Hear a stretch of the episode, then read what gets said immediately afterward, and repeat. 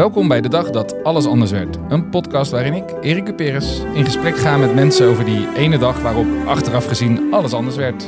Vandaag is mijn gast Ruud Smulders. Hij woonde in Utrecht met zijn vriendin. Hij was zes dagen verloofd. Hij trad op als stand-up comedian.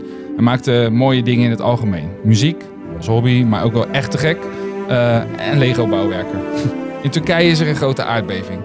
De BBB wint vorst bij de Provinciale Statenverkiezing. Koning Charles wordt eindelijk koning en onze koning zegt sorry voor het slavernijverleden. En Tina Turner overlijdt. La Dada van Claude staat op nummer 1 in de top 40. En dan wordt het 12 januari 2023 de dag dat alles anders werd. Toch? Ja. Dat is heel recent. Dat is heel recent. Er is echt zo ongelooflijk veel gebeurd in één jaar tijd. Ja. Ja, want jij vroeg mij dit natuurlijk, van welke datum is het? Toen dacht ik, oh ja, het is wel een uh, optelsom van momenten. Mhm. Maar dit was wel duidelijk het diepste dieptepunt... waardoor ik alleen nog maar om kon draaien en terug kon gaan, ja. Ja, wat, wat, wat gebeurde er? Op Eh, nou, mijn, mijn moeder lijdt aan alcoholisme al een jaar of 15. ja. Eh, en 15 jaar geleden is zij van de trap gejoekeld en eh, in een coma beland door de val. En daar gelukkig wel uitgekomen. Ja. En vorig jaar, 2022, gebeurde dit nog een keer. Oké. Viel ze weer van de trap, weer buiten bewustzijn. En voelden we, oh ja, dat probleem hadden we. Ah. Maar een probleem dat we eigenlijk over de 15 jaar heen steeds hebben ontkend. En eh, ik ben heel lang dankbaar geweest dat mijn moeder die eerste val heeft overleefd. Ja. Dus steeds als er, als we voelden, wat is ze aan het doen met die drank en gaat het wel goed? En ze valt nu daardoor heen of ze weet dit niet meer. dacht je, nee, oké, maar ze is er nog, hè? Hmm. Dus op die manier ben je dat 20 of eh, 15 jaar ben je de kop in het zand aan het steken, inclusief haar. Want was die eerste keer dan ook het moment dat je door had dat ze alcoholist? Ja. Ja, dus ik was nog geen jaar uit huis en eh, toen viel zij inderdaad van de trap. Nu moet ik wel zeggen, bij de generatie boven mij is, is het consumeren van drank sowieso veel normaler dan bij mijn generatie. Voor onze luisteraartjes, hoe oud ben je? Ik ben 36, mijn Ja. ouders zijn tegen de 70 nu, 73 bijna. Ja. Dus er was altijd wel een drankje 's avonds. Er was wel een biertje op tafel of een wijntje. Ehm, ik kom niet uit een gezin of uit een jeugd waarin dat problematisch was. Ik heb geen... eh nou ja, eh, stappen vooruit. Mijn voorstelling gaat hier nu heel Mhm, erg over. Dus mhm. ik krijg in de foyer heel veel mensen met onder andere deze problematiek hoor. Hij Ja. resoneert gelukkig breder, deze voorstelling. Dus je hebt ook mensen die... Even kader schetsen, want ik zei het heel kort in de intro. Je bent comedian, Ja. eh, cabaretier. Ja. Eh, je treedt op en dit is het dus thema van je huidige voorstelling.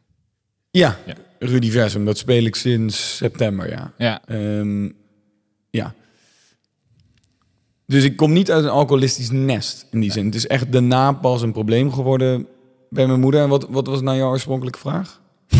nou, wat, eh, ja, jij begon over die datum in januari. En toen ging je terug. Je moeder was toen je 15 jaar geleden van de trap gevallen in coma geraakt. Gelukkig er weer Oh, of wij er toen achter kwamen. Ja, Ja, we kwamen erachter omdat de dokter eh, mijn vader apart nam met... we begrijpen dat uw vrouw een alcoholist is. Hmm. Want uit het bloedonderzoek blijkt dat ze zo'n hoog promillage heeft. Dat heb je echt alleen maar als je frequent... Als je, als je een zeer ervaren drinker bent. Ja. Waar moet ik dan aan denken? Ja, niet dat het er heel erg toe doet, want ik heb wel een beeld wat een alcoholist inhoudt. Maar... Nou, ik denk dat wat mijn moeder vooral een alcoholist maakt, is eh, hoe laat er al begonnen wordt. Ja. Dus dat is Hoe gewoon- vroeg. Ja, ja, of hoe vroeg. Ja, dat is wel. eh, ik denk wel dat mijn moeder wakker wordt en denkt: wa- wanneer is het twee of drie uur? Ja, Hmm. wanneer is het kan ze het nog rekken.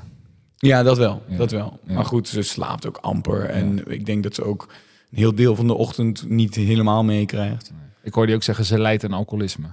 Ja, ze is geen alcoholist, wat mij betreft. Dan Mhm. doe ik mijn moeder echt tekort, voel Ja, ik, ja. als ik dat zeg. Ja, het is eh, ja, oké, net als iemand die boos is. Die is niet altijd boos. Het is gewoon iets wat ze ook toevallig ook doet. Of zo. Nou ja, ik, mijn moeder is heel veel dingen. Ja. Het is ook een topmoeder en een grappige vrouw Ja. en eh, eh, vervent V&D-medewerkster tot, tot, tot het kon. Ah. Eh, dus niet 15 jaar geleden failliet gegaan. hè? nee, nee, nee. Nee, maar al dat soort tikken eh, zou ik erkennen in mijn leven. Hoop Ja. ik te erkennen. Ik Ja. weet niet hoe het is om 73 te zijn. Hmm. Eh, maar dat lijken tikken die mijn moeder niet erkend heeft. Dus ook een groot deel van mijn moeder is haar zoons. Ze is erg trots en blij met haar zoons. Dat is wel, Ja. het is echt alles. Ja. Ik ging uit huis Hoeveel, zijn, er- hoeveel zijn er daarvan? Twee. Ja. Dus je zou ook nog de, kunnen zeggen, misschien is er een soort empty nest syndroompje wat we over het hoofd hebben gezien.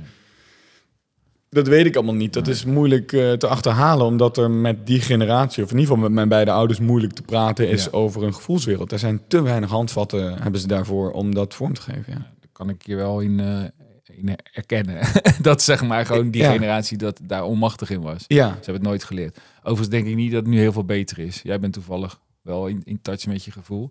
Maar als je naar buiten wandelt en je gaat met mensen praten, zijn er maar weinig die ook maar enig, enig idee hebben over wat er in die binnenwereld Nee, misschien is dat een eh, luxe van de artistieke bubbel waarin ik Ja, leef. ja. Dat veel mensen durven te praten over gevoel of nieuwsgierig zijn om dat te onderzoeken. Ja. ja. We hebben het allemaal.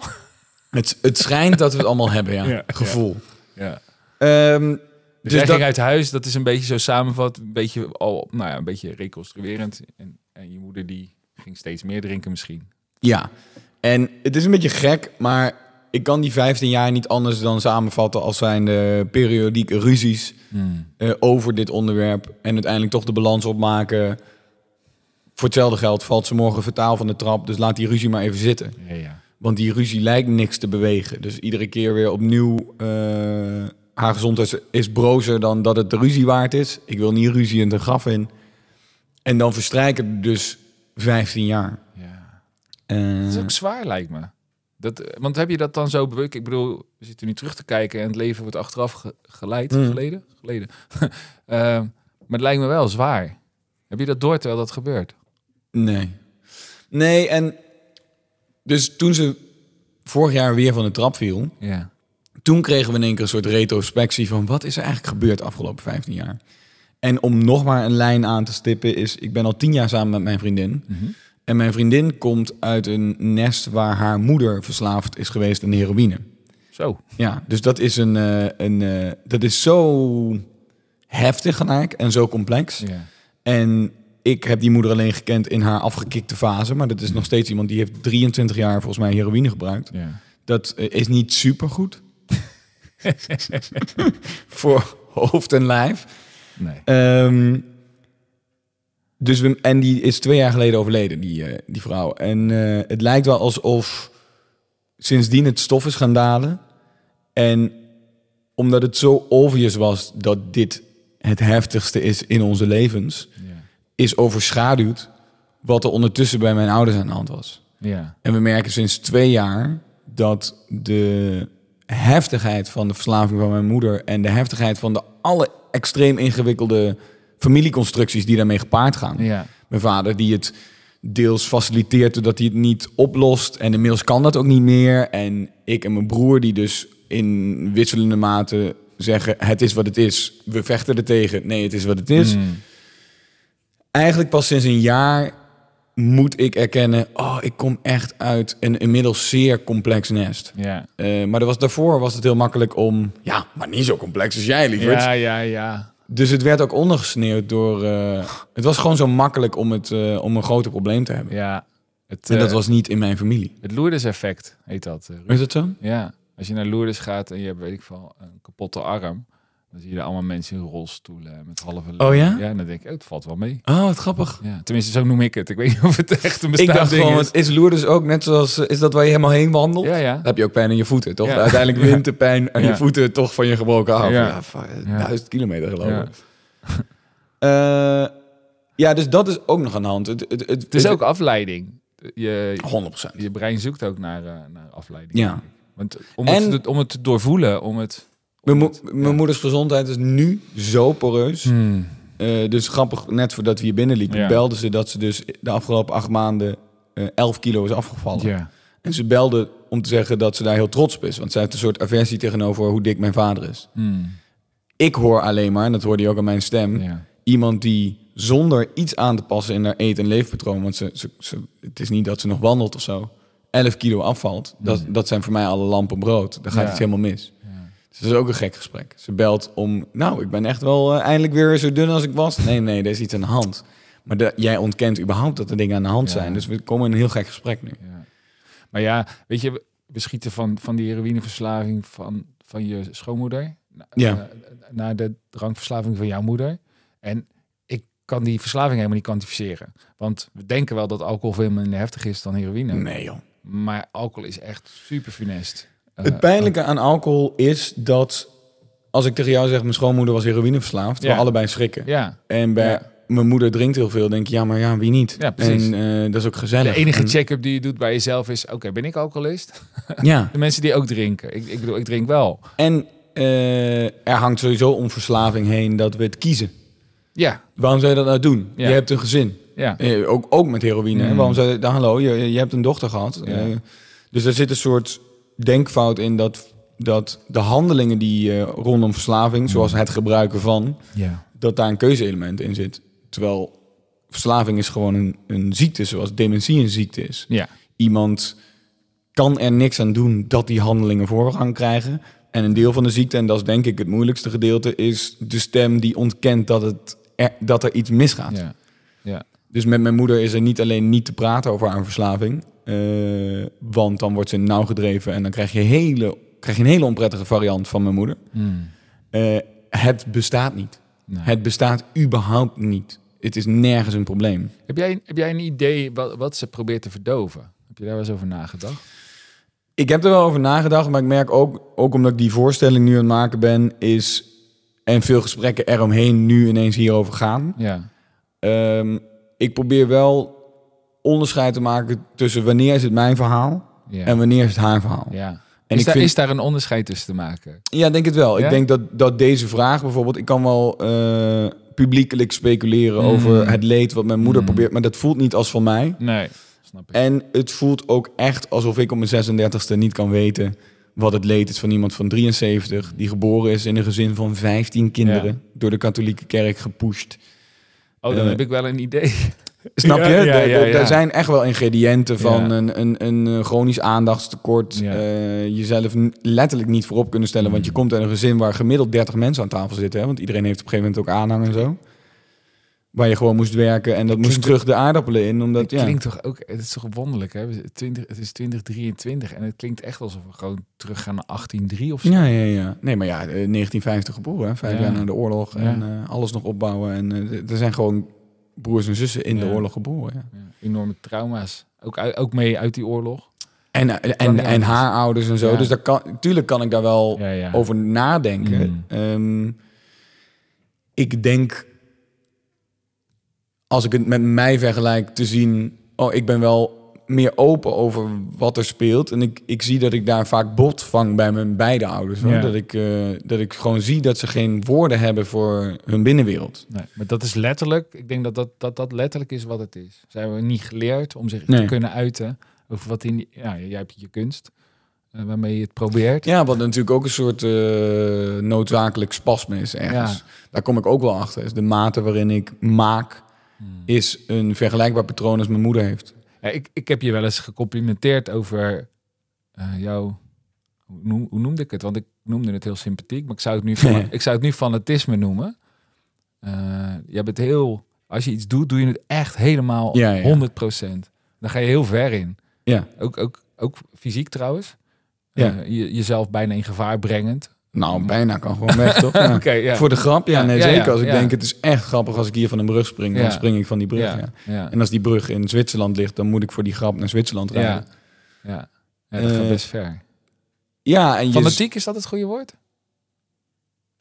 Ja, ja, dat is zeker een woord, wat, maar dat is het allerliefste woord. Kijk, Mm. met vlagen ben ik natuurlijk ook wel voor gek verklaard. En ik denk Mm. dat het ook charmant is. Dat, Ik denk dat, dat een artiest altijd tegen die gekte aan wil Mm. drukken. ja. En dat dat een artiest ook weer boeiend maakt. Dus ik, ik schaam me er niet voor. Nee. Maar ik zie ook wel dat... Ik heb weinig vrije zondagen in mijn leven. En als ik die wel heb, voel ik me vaak niet zo vrolijk. Hmm. Dus daarin zie ik wel een patroon van... Oké, dus ik vlucht wel in mijn makerschap Ja. om om te gaan met de realiteit. Zoals mijn moeder misschien wel vlucht in de drank om om te gaan met de realiteit. ja. Ik denk alleen dat dingen maken, muziek, theater... aanzienlijk gezonder is Zeker. dan Ja. twintig jaar lang heel veel drinken. Ja, en, wa- en wat je doet is vol overgave. Dat is eigenlijk het woord wat er ook echt bij hoort. En dat vind ik Ja. prachtig. Eh, dus complimenten, neem maar even aan. Ja, wa- wacht, ik was hem al aan het Ja, wegduwen, ja. let op. Ja, ja. Nee, nee, zeker. Alleen het wat bij mij dus wel degelijk onderontwikkeld is, is gewoon de persoon die eh, ook mag zijn. Hmm. Zonder dat het naar een buitenwereld toe moet wat ik allemaal ervaren heb. Ik mag ook gewoon zijn. Je bent nog piepjong. Ervaar dat zo, ja? 36? Nou, de grap is, ja, nou ja, ik ken je natuurlijk een beetje en ik vind dat jij behoorlijk eh, nadenkt over hoe dingen werken, zeg Ja. maar van binnen. Da- Dan kom je ook niet aan, blijkbaar. Ik was denk ik f- kijk, 2016 of zo, 2015. Dus dat is nog wat re- relatief kort geleden. Mm. Ik was wel een stukje ouder dan jij toen ik voor het eerst door had van, oh, ik doe dingen in mijn leven niet handig en, en dat heeft een oorzaak. Laat ik daar eens naar gaan kijken. Ik krijg veel complimenten in de foyer van mensen die mij eh, denken dat ik een oude ziel heb. Ik Ja. vind dat een mooi compliment. Ja, ja, ja. Dat ik met mijn 36e toch iemand van 68 in de zaal weet te raken met hoe ik... Oh ja, zo had ik er nog niet naar Mm. gekeken. Denk ik, oh, dat, wat, wat, wat waardevol. Ja, tof hoor. En dat maak je, daar maak je waarschijnlijk ook voor. Dat was misschien niet waar je ooit mee begon. eh, maar dan blijkt je dat ook te doen. Nou, ik was op een begrafenis van een oud docent van mij. Dat was Ja. een goede vriend van mijn vader. Ik heb bij mijn vader op school gezeten. Ja. En toen trof ik mijn mentor nog. Mm. En die heeft mij dus in de klas gehad toen ik 15 was. En eh, dit is twee maanden terug. En die zei, eh, ik was altijd zo dankbaar dat jij en no- nog een naam in de klas zaten. Want daarmee had ik wel echt een klik. Jullie waren toch wat ouder dan dat jullie waren. Mm. Toen dacht ik, oké, dus het gaat wel verder terug dan... Tuurlijk word je ouder van een, een trauma. Mm. Eh, of van zo'n zo'n complexe gebeurtenis in je leven. Je moet je ertoe verhouden. Dus Ja. dan gaan denkprocessen sneller. Maar schijnbaar zit, zat dat er bij mij wel heel vroeg al in, ja. Ja. De, de automatische stand van, wat gebeurt hier nou? Ja. Eh, ik ga hier eens even goed over nadenken en het overanalyseren... om eh, te snappen wat het leven precies toewerpt. Dat gaat wel ver terug. Misschien, misschien eh, eh, eh, nou, laat ik zeggen, de reden dat je moeder is gaan drinken, eh, wa- was al aanwezig. Ik bedoel, dat kan niet anders. En misschien dronk ze toen ook al wel veel, maar had je het niet door of zo. Dat, dat je daardoor ook in een bepaalde houding of stand werd, eh, werd gepropt. Nou, dat, dat weet ik oprecht Nee. niet. Eh, ik denk wel natuurlijk, ik kom wel uit een gezin waarin emoties een complexe plek hebben. Ja, Dus ik weet niet of drank al heel veel Nee. problematisch was, maar emoties wel. ja, Eh, ik weet wel dat, want ik schrijf al muziek sinds ik 13 ben of zo. Ja, Daar, daar hoor ik mezelf wel dingen zeggen dat mijn vader niet durfde te huilen toen zijn beste vriend overleed. Weet je, dat Mm. soort dingetjes. ja.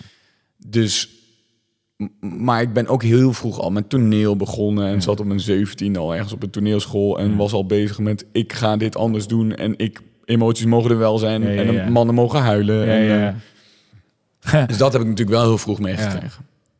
ja. Het is ook interessant, hè? want feitelijk is het dan ook een soort van... Ja, ik haat, ik haat altijd dit soort dingen, maar het, het is ook een soort cadeau.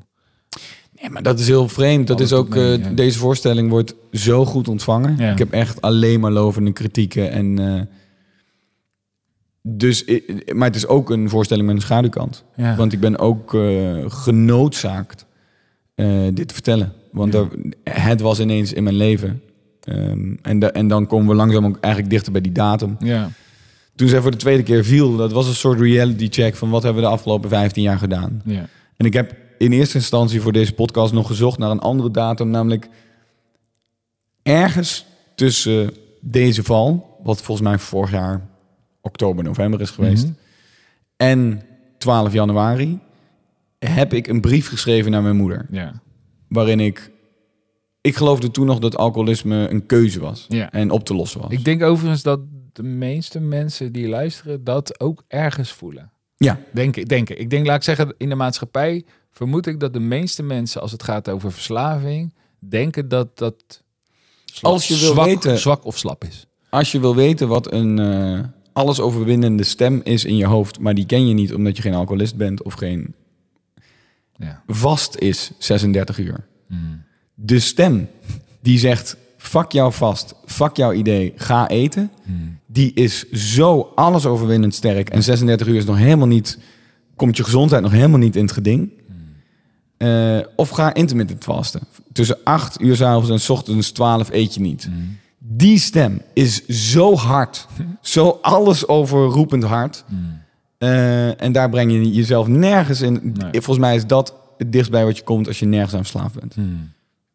Ja, ja ik, zit, ik zit heel filosofisch te bedenken. Zouden er mensen zijn die nergens aan verslaafd zijn? Omdat, eh, Nou, ik je, denk jij, dat- jij bent verslaafd aan je werk. Eh, Iedereen luistert dit op een telefoon. Ja. Ik, ik, hoe Ja. vaak ik Instagram afsluit en hem opstart, hmm, dat Ja. is hopeloos. Of om opstart om iets te, be- te bekijken dat je dan niet meer weet wat het ook alweer was. Ja, kansloos. We zijn, we zijn allemaal hoekt aan iets. Dopamine junkies. Ja. Ook, ook. Maar, de, maar, maar volgens mij, maar dat is mijn visie op verslaving, is verslaving iets wat zich ontwikkelt omdat er een leegte is in jezelf. Wat dat dan ook is. Dus er is een stuk in jou wat nog niet eh, eh, erkend is, gezien wordt of wat gewoon leeg is. En dat vullen we op met iets of iemand anders. Mensen kunnen ook verslaafd aan liefde zijn. Een mooi boek van Jan Geurts hierover Hm. trouwens. Je kunt verslaafd zijn aan werk en dat zien we dan als carrière. Ik weet niet of het leegte is of... eh, Het is maar taal. Ja, taal is net te beperkt misschien, maar wat is het volgens jou? nou, al, eh, in ieder geval iets waar je overduidelijk iets niet mee kan. Hmm. Het voelt toch wel alsof je het een wil, eh, de ene kuil wil dempen door de andere te gaven. Ja.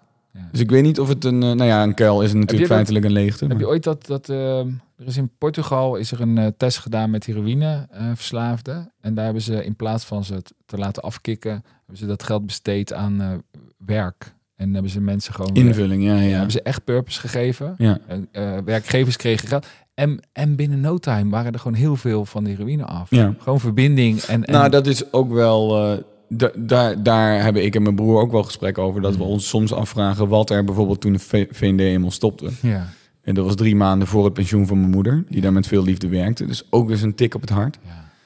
Eh, er is geen invulling van dat pensioen gekomen, nooit. Bij mijn vader wel, is een grote eh, fan van wandelen. En Ja.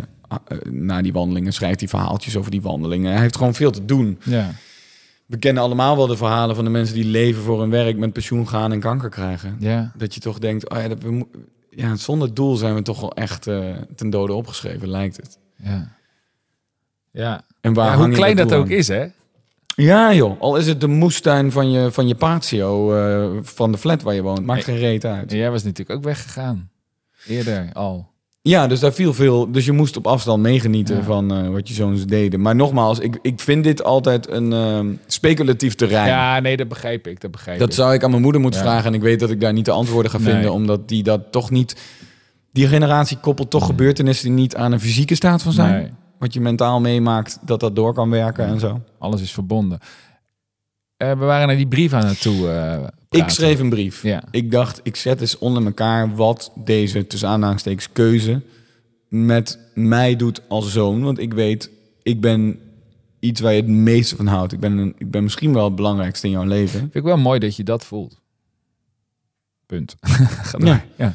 Nee, maar de, de- de- la- ja, ik werk natuurlijk ook veel met, met in opstelling met mensen. En, en dat jij dit zo duidelijk voelt, is echt waanzinnig fijn. Omdat Hm. heel veel mensen met verslaafde ouders of met ouders met andere problemen dat niet meer zo ervaren. Dus dat jij kan voelen. Ja, maar het voelde ook als de laatste kaart van ik ben het belangrijkste wat er is. De- hiermee zal de drank wel niet concurreren, dacht ik toen nog. Oh, je speelde een emotionele kaart daaruit. Exact. Maar je voelt die liefde wel echt, toch? Nee, 100 Ja. Ja. ja, nee, wij zijn, eh, wij zijn echt, zij leeft echt op van ons. Ja. Ik typte die brief en laat ik zeggen dat ik hem opsloeg onder lieve moeder. Mhm. in mijn Google Drive. Mhm. En toen zag ik dat er nog drie brieven stonden met dezelfde titel. uit 2020, uit 2017 en 2015. Mm. En die heb ik allemaal in tabbladen geopend. En toen zag ik dat ze niet verschilden. Ongeveer hetzelfde begonnen. Ongeveer dezelfde nicotine, drank heeft gevolgen op mij. Als dit, dan dat. En toen dacht ik, oh ja, dat is dus mijn patroon. Hartekreet. Ja, Mama, ik doe, lieve mama, stop ermee. om de twee, drie, vier jaar beland ik in dit crisismoment. Schrijf ik een brief die ik overigens dus nooit post. Ehm, en appt het daarna weer weg. Wat gebeurt er in jou voordat je die brief gaat schrijven? Want ik kan me voorstellen dat er in jou ook iets opbouwt dan. Nou ja, eerst wanhoop en boosheid die je uiteindelijk toch snapt en interpreteert als zijn verdriet. En, eh, en liefde. Dus daaruit ga je dan typen. En toen ik die vier brieven zag, toen dacht ik, ja, dan is het wel heel evident dat. eh, wat, wat is dat cliché citaat altijd wordt aangehaald? Als je doet wat je deed, krijg je wat je kreeg. Zeker. En dat is de definitie van gekte of zoiets, toch? Of eh, wie altijd doet, die, wie altijd Ah. weet- ik weet hetzelfde. Ik weet niet of het de de- definitie van gekte is. Einstein was toch Ja, dat als je altijd hetzelfde doet en, een ander resultaat verwacht. Ja, Ja, precies. ja. Maar je deed niks. Het enige wat je deed was je gedachten ordenen en het weer wegklikken. Je hebt, Ja, maar nooit, ik vond je het- hebt het nooit verstuurd. Nee, maar dat vond ik, dat vond ik niet, dat voelde niet als de noodzakelijke verandering. Nee, genoeg, van ik moet het versturen. Nee. Eh, ik merkte gewoon, oké, dit is al jaren wat het is. Ja. Veel langer dan ik zou eh, willen erkennen. Hmm. Ik moet me anders gaan verhouden hiertoe. En ik denk dat dat niet te duiden op een datum een zaadje heeft geplant van... aan haar kant moet ik geen verandering meer verwachten. Ik moet veranderen. Ik moet veranderen ten opzichte van dit, dit ding.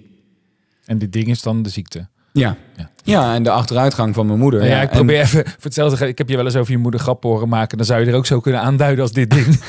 Vandaar dat ik het even check. hier voor ding? Ja, precies. Eh, ja, nee, ik merkte wel, de, de verandering ligt nu bij mij, ja. Ehm, ik moet gaan accepteren. En daarom de parallel met bijvoorbeeld dementie is best wel treffend. Als iemand lijdt aan dementie, is de kans dat diegene dat zelf weet heel klein. Ehm, ga je daar dan heen en de hele tijd boos zitten zijn dat iemand iets niet meer weet? Of ga je daarheen zonder verwachting? Krijg je misschien wat pareltjes cadeau? En maakt het eigenlijk veel meer liefde en attentie in je los. Denk je, ja, maar dan kan ik beter iedere week even langs gaan. Maar we weten niet hoe dit gaat. Hmm. Is echt anders dan bij de gemiddelde verslaving. Weet je wat jij nodig hebt? Verkettering. Ik ga zes stappen naar achter. Ik ga niks meer van me laten horen. Mm. Als je dat bij dementie zou doen, dan holt het achteruit. Ja. ja. Als jij nog één keer mijn naam vergeet, kom ik nooit meer bij je langs. Ja. Ja. en iemand zit je echt aan te kijken. Nee. Want ik begrijp niet wat je Nee. zegt. Want ik heb dit probleem niet Nee. in mijn hoofd. Nee. Dus toen moest er wel wat veranderen. En eh veel natuurlijk ook met mijn vriendin over gepraat. Ehm, toen haar moeder overleed. eh, en zij is wel deels opgegroeid bij een heroïneverslaafde moeder. Later eh, uit huis geplaatst. En nou ja, die heeft een zeer complexe, veel complexer eh, jeugd gehad dan ik. Mhm. Toen die moeder wegviel, werden wij alle twee, hoeveel we ons ook hadden verbaasd, geïrriteerd, eh, boos geweest, afstand genomen, toenadering gezocht. Want de problemen gingen wel door. Hè. Ondanks dat de heroïne wegviel, kwamen daar toch andere problemen voor in de plaats. Zoals verkeerde uitgavenpatronen, eenzaamheid, onoplosbare eenzaamheid. Ja, want er was ook een oorzaak. Er was in ieder geval in het systemische was er een oorzaak waarom die 100%. heroïne op haar pad was gekomen. En dat, dat was waarschijnlijk niet opgelost. Nee. Ze was wel gestopt met de heroïne. Ja, en daar kwamen we. Dus we, het bleef een, een, eh, een tabblad. Ja. Ehm, toen zij wegviel, werden wij allebei overvallen door het simpele gevoel: shit, wij hadden meer van haar moeten houden. Als wij van tevoren hadden geweten wat de dood bewerkstelligt en hoe alle slechte dingen die, jou, die iemand kan doen of de dingen die kwetsen, niet concurreren met hoeveel pijn het doet als iemand er niet meer is Ja. de- en de defin- het definitieve daarvan, dan hadden wij meer van haar gehouden. Denk je dat er gradatie mogelijk is van houden van? Dat je zeg maar... dan hadden we andere keuzes gemaakt. We hebben echt wel harde keuzes gemaakt, omdat wij dachten dat dat het beste was. Uit liefde. Ja, maar toch is de knuffel echt meer waard geweest. Ja, maar ik probeer je te helpen in de zin dat de uiting eh, heeft een vorm. Maar de liefde was volgens mij 100%. Alleen je had dat haar meer willen laten zien. Nou, dat, dat, dat zeg je treffend, ja. En nu kan ik in de herkansing bij mijn eigen moeder. Ja. Omdat ik weet wat er komt als zij straks wegvalt. Ehm, dus dat voelde ik wel heel erg van ik moet het gaan accepteren en ik moet alleen maar liefde geven. Want volgens mij is dat uiteindelijk de beste chemokuur van deze terminale ziekte. In ieder geval in mijn moeder terminale ziekte. Sta je, sta je jezelf ook toe om nog andere emoties bij en over haar te voelen? Het is minder, naarmate, dit, naarmate ik dit begrijp, is dat minder nodig. Ja, ja. Ik voel wel zorgen, Mhm. maar boosheid is er bijna niet meer. Nee. Dat is echt een zinloze emotie. Doe ik mezelf ook echt mee tekort. Ja, ja, je maakt jezelf kapot met dat soort boosheid. Ja. En de machteloosheid en de wanhoop en eh, Ja. eh, al die brieven. Maar eh, dit zal dus ergens een, een zaadje zijn geweest. Ik zal die brief misschien in november hebben gezegd. Ik weet het niet meer precies. Mhm.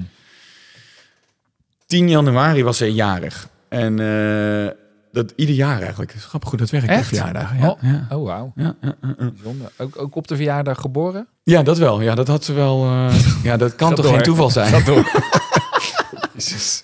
Het is toch, toch de, gek, de gek in ons. Maar. Ehm, en ik heb er een brief gegeven met erop de tekst... eh, op een gezond jaar, jij kan dit. Want inmiddels waren er na die eerste val... of sorry, na die tweede val, dus een paar maanden daarvoor... wel al heel veel dingen gebeurd. Ja. Namelijk, we zijn met haar naar de huisarts gegaan... waar ze normaal altijd loog of dingen achterhield... zaten wij er nu naast, ik en mijn vader. Mhm.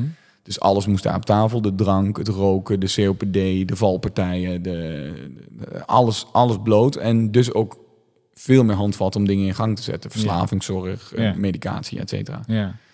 Dat ging af en aan. Dat werd dan weer uitgesteld, afgezegd, opgeschoven. eh, telefoontjes werden niet opgenomen. Je, moest, je moest er toch naast staan. Ja. Of dus misschien niet. Ja. Eh, dat liep allemaal en eh, dat zag er eigenlijk redelijk hoopvol uit. Allemaal stappen die wij voorheen nog nooit hadden genomen, omdat Nee. we brieven schreven die we nooit hadden Ja, verzonden. En nu schouders eronder, we gaan in plaats van afstand nemen, er met z'n allen voor. Dit is een, een verslaving heb je nooit alleen. Mm. Dus we gaan met z'n vier of toen, toen scho- schoondochters moeten ook meegerekend worden, met z'n zessen dit oplossen. Ja. Toen was ze jarig. Ik gaf haar een kaart met de tekst... eh, op een gezond jaar, jij kan dit. Dat sloeg dus ook ergens op. En wij zijn er ook voor je. En ik had er toen al een tijdje niet gesproken. Dus ondanks dat het de verjaardag was... moest ik toch vragen, hoe gaat het met alle stappen? En dat vond zij natuurlijk een extreem ongezellig gesprek. Dat Ja. is ook een mooie woordkeuze dat ze dat dan ongezellig noemt. ja. En Ik pak er even een drankje bij. Het is zo ongezellig. nou, ze zat al aan een wijntje. Ja. En ze is uiteindelijk Ja. naar buiten gelopen... omdat ze het... Ja, ze wil dan fysiek weg uit die plek. Tuurlijk. Uit dat gesprek. Ja. En toen naar buiten gelopen en toen zaten wij allemaal en ik voelde gewoon, oh, ik wil weg, jongen. Ik wil weg uit deze, uit het restaurant, maar ik wil eigenlijk ook weg uit deze situatie in mijn leven. Ja. Maar goed, ik kan zo ver rijden als ik wil. Ik zit er al in. Ja. Dus op aanraden van mijn vriendin ben ik toen blijven zitten. En uiteindelijk kwam de ober bij ons aan tafel. Die zei, die blonde mevrouw hoorde bij u toch? Wij zeiden ja. Die is buiten de evenwicht verloren. Oh god. En ze is heel hard gevallen. Oh. En ik merkte op dat moment, dit is 10 januari, twee dagen voor... eh, ik kan jou niet helpen. Nee. ik, dit is te veel. Ja.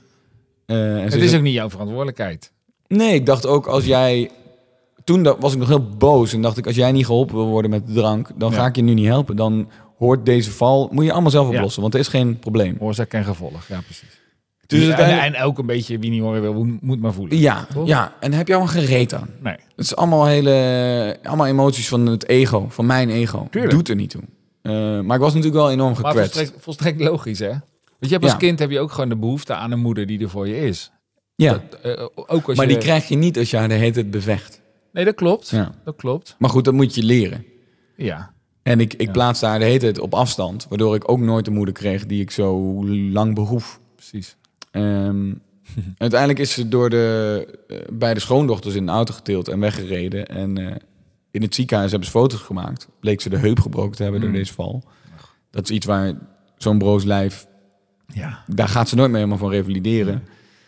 En ze moest een nachtje blijven. Maar dat betekent een nachtje niet drinken. Oh jee. En daar zijn weer alle stoppen doorgeslagen. Heeft ze zoveel stampij gemaakt... dat ze uiteindelijk met een handtekening voor hulpweigering... Mm. met een gebroken heup... dat ziekenhuis is uitgelopen na 30 minuten. Dat kan gewoon. Je kan eh, als zorg dat niet overtoepen... als iemand tussen aanhalingstekens... eh, Wilsbekwaam. wilsbekwaam is. Ja. Daar kun je een boompje over opzetten. Maar ja, een drankje... Daar, daar kan je niet tegenin met je wilsbekwaamheid. Nee. Heup gebroken... Interessant, hè? Want ze is feitelijk daar totaal wils onbekwaam. 100 Ja. Maar dat is omdat wij niet erkennen dat dit een ziekte is. Nee.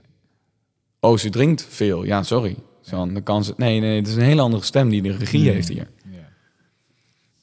Dat was wel een ultieme test voor de verandering in mijn hoofd van iemand heeft liefde nodig. Ja. Dus dat was hard werken. Toen ben ik daar 12 januari toch maar naartoe gegaan. Ik had wel even een oplaaddag nodig. Van als ik daar aankom, moet ik op zijn minst zelf de energie ervoor hebben. En toen zijn we daar langs gegaan, ik en mijn broer. Toen had ze ergens een rolstoel vandaan weten te halen. En ze begon eigenlijk gelijk te vertellen hoe ideaal die rolstoel was. en de voordelen en hoe mobiel ze was. En volgens mij heeft ze zelf, zelfs gezegd, eh, had ik hem maar eerder gehad. En dan was niet wetende. Ja, niet weet. Nee, gewoon omdat Ja. het zo, omdat Ja, die ideaal ja. zo duidelijk de realiteit verbuigen Mm. naar het absurde. Dat ik als absurdist, ja. eh, ik verloor mijn mogelijkheden om hier nog mee te kopen. Nee, ik voelde hem gelijk. Toen je het vertelde, dacht ik, ja, dit is ook gewoon heel grappig. Eh, eh, Het is super schrijnend, maar de hele scène, de hele, de hele, gewoon, ja, er zit gewoon... Nou, de, kijk, de absurdist in mij verloor het van de realiteit. Ja. Dan sta je wel met je rug tegen de muur Ja. als eh, comedian of als, als dat je coping is. ja, het is afschuwelijk. Dus in één keer, ik zat, en voor mijn broer was dit ook de grens. En Ja. die, die stond op, die zei, eh, ma, als jij... Oh ja, ik heb nog wel gevraagd van, ik heb iedere keer het gevoel dat drank op de eerste plek staat en wij hebben de tweede. Hmm. Nou, doe niet zo ongezellig, dat is allemaal niet waar. Was Zeg toch maar- tekst uit je, uit je vorige brieven, was dat? We- Wellicht, ja, ja. ja. Eh, ik zei dus als je, ik zei prima, maar dan, dan dan gooien we het op de keuzes. Ik zeg, als je moest kiezen. Hmm. En toen was het lang stil en uiteindelijk zei ze, ja, maar een, een drankje op zijn tijd moet kunnen. Oh, jezus. En dat doet de zoon in mij natuurlijk het meeste pijn als je Ja. moeder dat zegt. Maar toen zei ze ook achteraan, ik zie het probleem niet. En toen dacht ik, maar daar zit de crux. Jij ziet het probleem helemaal niet. Ik kan er nu voor kiezen te horen dat ik echt op de tweede plek sta. Of ik kan ervoor kiezen om te horen dat hier iemand heel ziek is, natuurlijk mij op de eerste plek heeft staan, Hmm. maar totaal onvermogend is. Voor haar is de zin een drankje op zijn tijd moet kunnen, niet ik kies drank boven jullie. Dat is de meest on, ze, ze ziet de onschuld alleen maar van die drank. Zij ziet dat probleem niet. Dus dat was wel een keuze-element van zo, dit, dit kan dat die zin zijn, die keuze zijn, die mij op mijn vijftigste of zestigste nog steeds verbittert. Ja. Ja. Eh, of ik kan hier de absolute bevestiging van de ziekte en de machteloosheid Hmm. zien. De pijn ligt nu bij mij. ja. Alleen voor mijn broer was dat wel de druppel. En die, eh, Excuseer le mot. nou, die, die zei gewoon van... ik heb te veel respect voor jou om je, jezelf dit te zien aandoen. Ja. Hard gezegd, die monoloog. Mm. Want inmiddels heb ik veel mensen met, een, eh, met ervaring met alcoholisme gesproken. Iedereen heeft deze keuze een keer Ja, gemaakt. Ja. Te veel respect voor je. Eh, ik ga niet van de zijlijn toekijken hoe eh, jij jezelf dit aandoet. Eh, ik neem nu afscheid. Ik ga afscheid nemen. En hij zei tegen mijn vader, bel maar als, als het zover is, hè, als het voorbij is.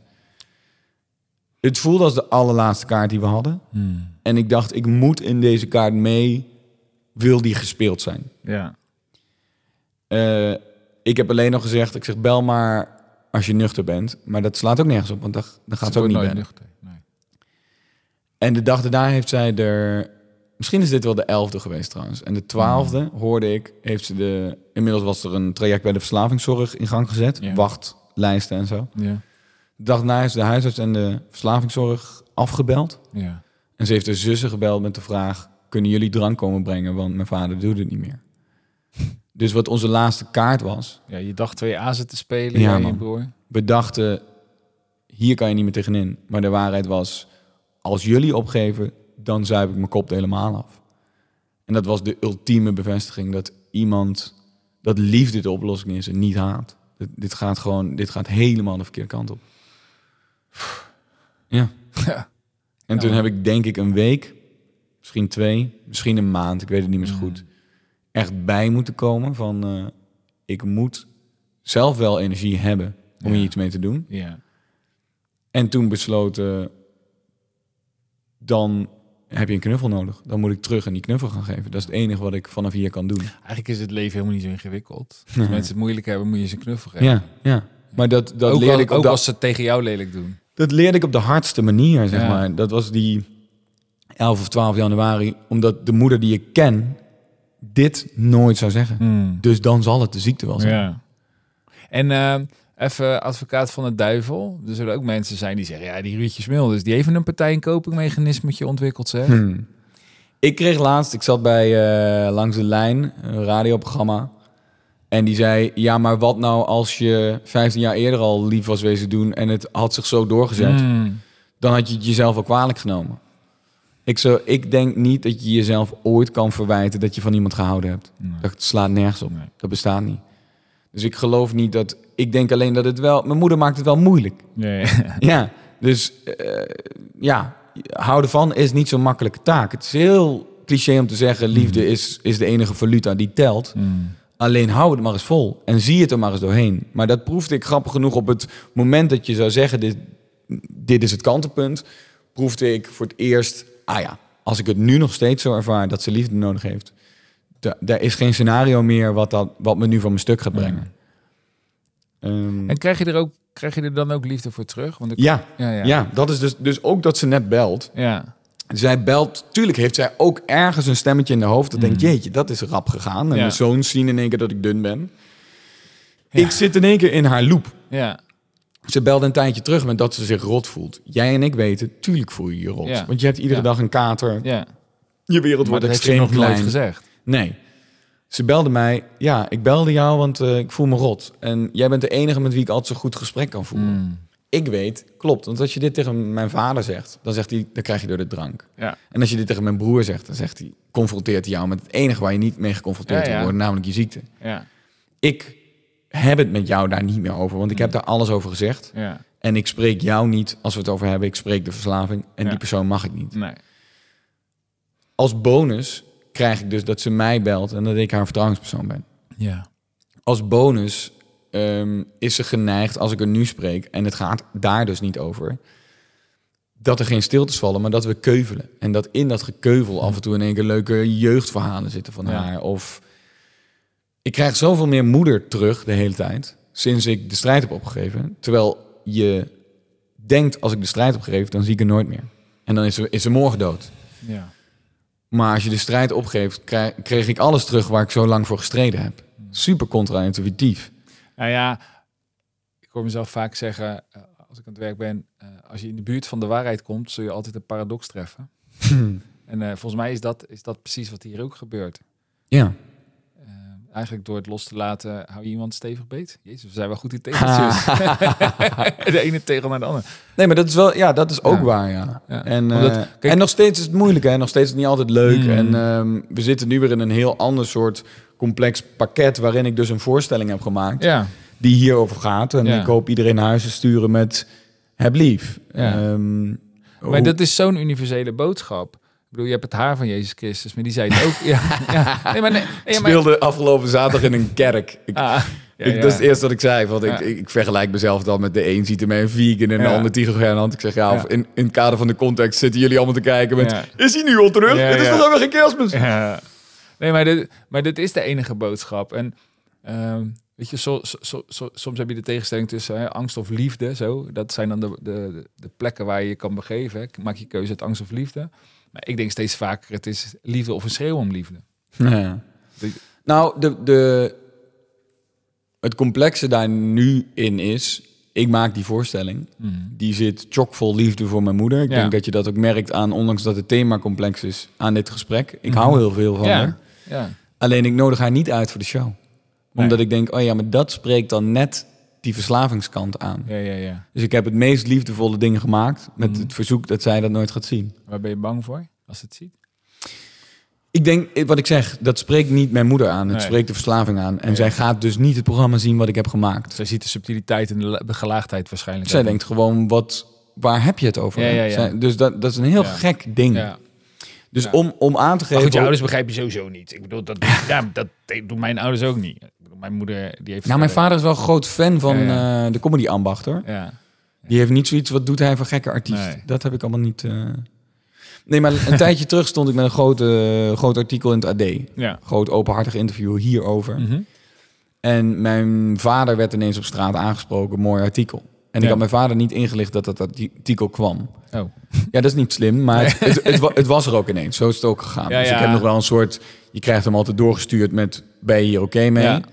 En uiteindelijk op de dag dat ik in première ging, stond het ook in de krant. Toen had ik wel wat anders aan mijn hoofd. En ik heb het eh, bereik van het AD onderschat. het is best wel een krantje hoor. Ja. Eh, dus mijn vader is daar echt... Dus die appte s'avonds van... Ik, ik heb hem maar gekocht. Eh, en hij zegt dan niet... Beetje kut volgorde. Dat zegt hij allemaal niet. Mm. Nee. Maar dat las ik wel. Ja. Dus na- natuurlijk daar mijn excuus voor gemaakt. Van, oh ja, ja. Want hij weet wel dat ik het hier... Hij wist al wel dat ik er een voorstelling ja, ja. over zou maken. oké, hoor. Maar dat artikel heeft hij dan ook aan mijn moeder laten lezen. dat vind ik... Zou ik zelf een klap vinden die ik haar zou besparen. Ja. Maar goed, dat is hun Maar had dynamiek. je ook niet gezegd tegen je vader? Toch? Nee, niet in zoveel Nee, woorden. nee. Dat, nee, maar ik... Ja, dus onze antennes zijn daarin anders. Waarom haar confronteren met... Precies, Ik, ben, ik, ja. ik heb het idee dat zij het ontkent. Mhm. Want dat merk ik veel. Ja. Dus waarom haar dit onder de neus schuiven van het enige waar ze het meest van houdt, de zoons, vind ik allemaal Mm. onhandig. Maar goed, Ja. Ja. dat leest ze dan. Daar wordt er neutraal, zijn mijn pa op gereageerd. ik weet niet precies hoe dat werkt. En een dag of wat daarna was mijn broer daar. Had hij het over dat hij ook naar de voorstelling ging. Nogmaals, ik denk dat het voor niemand van de betrokken... Het, het is niet gemaakt voor de betrokkenen. Nee. Het is geen dagboek. Nee, het is nee, gemaakt nee. voor alle mensen die het echte verhaal niet kennen. Zodat ze hun verhaal erin kunnen Ja, horen. precies. Maar En goed, dat- ik, bedoel, het is kunst. Jij maakt iets om, om bekeken te worden. Je bent een kunstenaar. Je gebruikt wat er door jou stroomt om iets te uiten. Ja. En dat is een universeel verhaal als het een beetje mee zit. Want anders hoe is het persoonlijker je wordt, ja, hoe persoonlijker je wordt, hoe universeler het Ja. resoneert. En ik heb wel inderdaad bekenden van mij of mijn ouders in de zaal gehad. Die naar de hand dan vragen... jeetje, ik wist niet dat het zo erg was. Dan denk ik, ja, maar dat is niet wat de voorstelling zou moeten Nee, doen. maar ze kunnen dat ook nooit anders zien. Nee, nee, maar daarom nodig ik eh, überhaupt bekenden niet Nee. heel actief uit. Omdat die per ongeluk... Die zien, gaan nooit de voorstelling zien. Nee. Die gaan Nee. een dagboek Ja, luisteren. precies. Ja. Ja. Want dat is het ook. Eh, ook- Ja, maar daarvoor is er toch ook veel, te veel geredigeerd. Ja, ja. Dus het is ook geen eerlijk dagboek. Nee. Ja, Het is ook theatraal zou, gemaakt. Zou die bestaan? Eerlijke dagboek. Ja, fair enough. Ja, ik bedoel, Ja. je, je kan de wereld alleen maar vanuit je eigen perspectief beschouwen. Fair toch? Ja. Maar mijn moeder had dat artikel gelezen en dit is om aan te geven hoe heftig de ziekte is. Mm. Is mijn broer was daar een paar dagen daarna en die, het viel dat hij naar die voorstelling ging. En mijn moeder zei, oh leuk, wil ik ook naartoe, want dat wilde ze altijd. Mhm. En mijn broer had gezegd van, dat lijkt me niet echt een voorstelling van jou. Je weet waar het over gaat, je hebt het artikel gelezen. En eh, toen zei mijn moeder, ja, dat artikel dat heeft je vader getypt om mij te sarren. dat is haar waarheid dan. Wauw. Ja, dus dat is de ernst waarmee de kronkels worden gemaakt. Ja, ja, ja. Het was waarschijnlijker dat mijn vader een fictief artikel had gefabriceerd. Wauw. Die kun jij niet verzinnen hè, voor je voorstelling. Snap je? Deze. Omdat mijn vader haar toch altijd al dwars Ja. zit. Ja. Dat is haar narratief. Dan dat haar liefste zoontje. Dat, dat bestaat gewoon echt niet. Nee. En dat is moeilijk uit te leggen, want ik krijg natuurlijk wel vaak de vraag: hebben je ouders het al gezien? Het is bijna niet uit te leggen waarom mijn moeder dit niet moet zien. Nee. Maar dit zijn de capriolen die ze in haar hoofd maakt. Nog los van het feit dat ze echt hele heftige COPD heeft. Dus zij moet überhaupt niet anderhalf uur in een ruimte stil hoeven zijn. Dat kan helemaal niet. Het kan fysiek al. Nee, kan en ze moet niet. natuurlijk naar buiten om te roken. Ja, dat is na drie kwartier al. Ik heb er laatst, we hadden een begrafenis, dus heb ik er na tien minuten uit de begrafenis gezet omdat ze te veel hoest. Ja. Dus dat, er is nog een hele andere gezondheidssituatie die het onmogelijk maakt. Ja. Maar ja, dat zijn wel de, de excessen van zo'n ziekte. Ja. ja. Is de frustratie weg hierover? Frustratie is zeker weg, verbazing niet altijd. Nee. Ook omdat ik dan af en toe nog verrast word door, nou nogmaals, dementie, door Hmm. mijn moeder die er wel is. Ja. Dus eh, gisteren waren zij bij ons en toen liet ze toch ergens vallen dat ze stil jammer vindt dat, ik, dat ze niet naar de show mag. Dan denk ik, oeh, dat is echt niet hoe ik het... Dat is gewoon niet... En dan, Nee, voel, ik- dan hoor het- ik ook het gesprek van mijn Ja, ouders. Het ongenuanceerde gesprek Ja, van mijn ja. ouders... waarin mijn vader toch wel de neiging heeft haar har- harder te behandelen dan ik zou doen. Maar is er helemaal niks in jou wat dan zegt... "Nee, Je mag wel, kom maar. Gewoon... Eh, pas als ze weg zijn. Dus ik word overvallen door... Wat, ik word hier nou in één keer Ja, ja. echt voor het blok gezet. Maar dat Nee, heb ik pas ook- echt maar- later maar ik door. bedoel ook echt voor jou, hè, Ruud? Dus echt voor jou. Dat je denkt, nou oké, kom maar dan. Kom nou, maar kijken. op basis van de hoesten niet.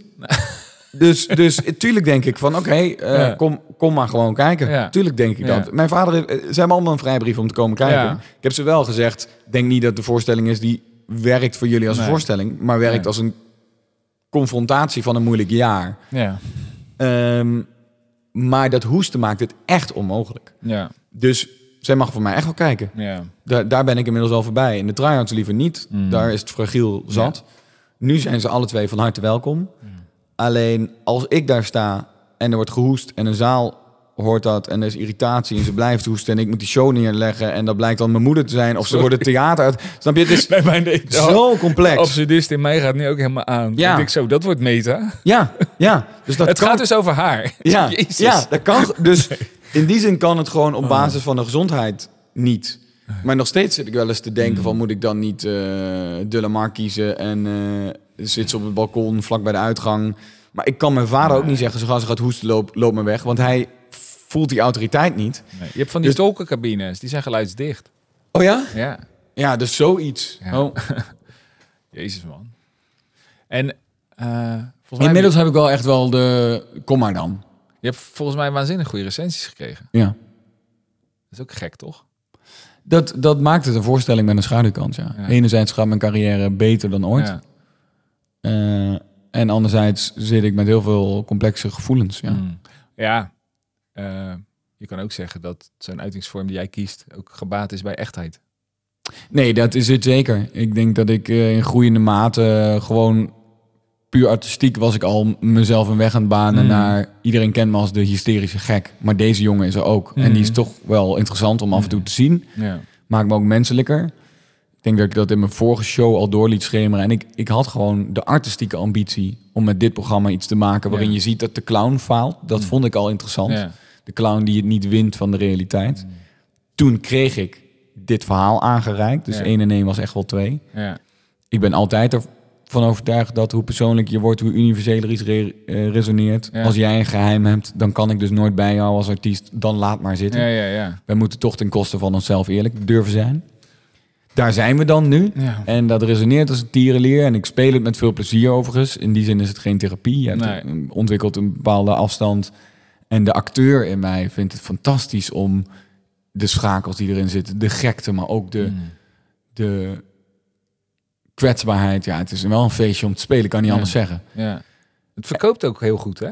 Eh, ja, beter. ja, precies. Dus grote steden zijn, beter, zijn ja. allemaal wel echt. Ja. Je merkt in eh, dorpen dat ze het nog wat spannend... Dan, Mm. Maar goed, Nou ja, ik moet ook zeggen, want ik, ik, ik heb natuurlijk je flyer gezien. En dit, dit verhaal, ik wist niet op dat het hierover gaat. Nee, nee, we zijn dat wel actiever aan het. eh, dus je, daar gaat op een gegeven moment. Kijk, dat is zo stom aan die theaterwereld. Ja, ja, je moet wat... Twee jaar van tevoren verkoop je die show al. En dan weet je niet waar die over gaat. En nu stuur je daar achteraan. Dit is de echte Mm, programmatekst. Maar Ja. dan zijn die boekjes al gedrukt. ja.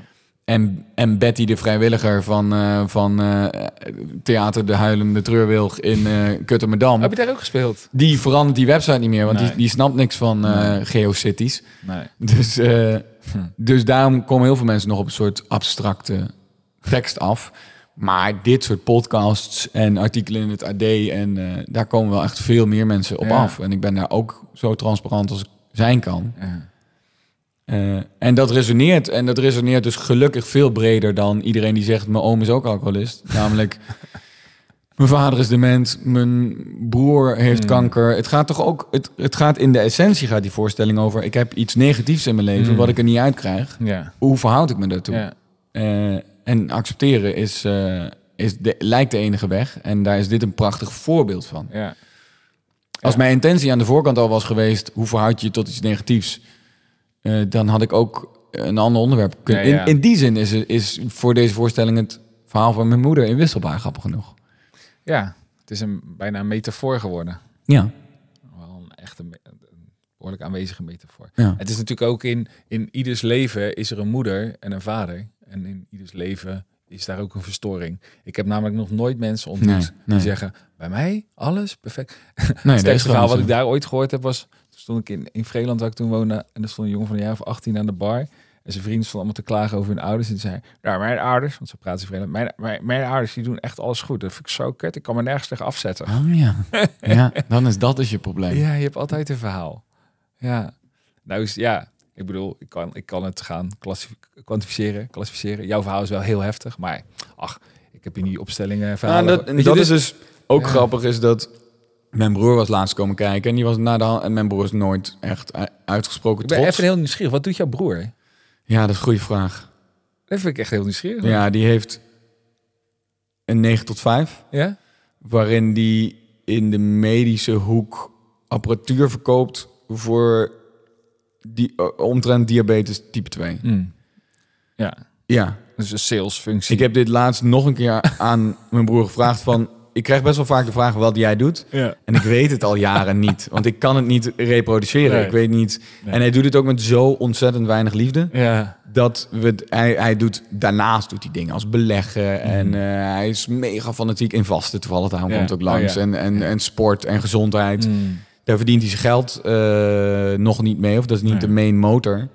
Maar daar zit zijn liefde voor het leven ja, en eh überhaupt Eigenlijk zit zijn passie in het fysiek dan heel goed onderhouden, zou ik bijna zeggen. bij, bij ons alle twee. Ik Ja, drink ook niet meer hè. En Nee. ik sport ook vier vijf dagen in de week. We, zijn wel echt eh, en dat, dat gaat er wel verder terug dan wanneer het probleem eh, zich aandiende, is.